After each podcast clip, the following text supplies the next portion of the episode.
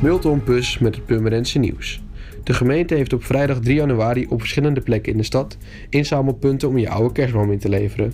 Je krijgt 50 cent per ingeleverde boom. Een dag eerder kan er vuurwerkafval 25 cent per kilo worden ingeleverd. Dit jaar is de actie iets anders dan voorgaande jaren. Het inleveren van je kerstbomen of vuurwerk ontvang je een tegoedbon. Met die bon kun je op woensdag 8 of donderdag 9 januari tussen 12 en 5 uur middags het door jou opgehaalde bedrag ophalen bij een locatie in de wijk.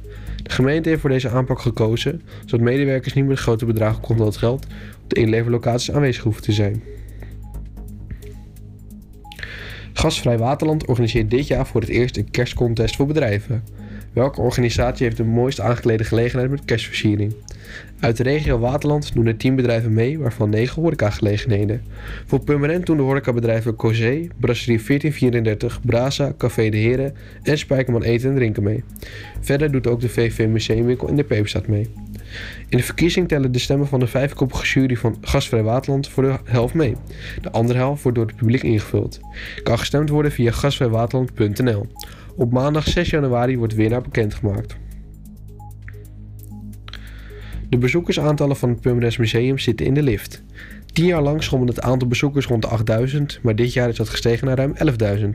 Volgens directeur Monsef Beekhoff is het succes onder andere te danken aan twee populaire tentoonstellingen. De tentoonstellingen Brein en Keramiek en 200 jaar Noord-Hollands Kanaal trokken extra bezoekers. Dat gold ook voor de Open Monumentendagen en de Taxatiedagen.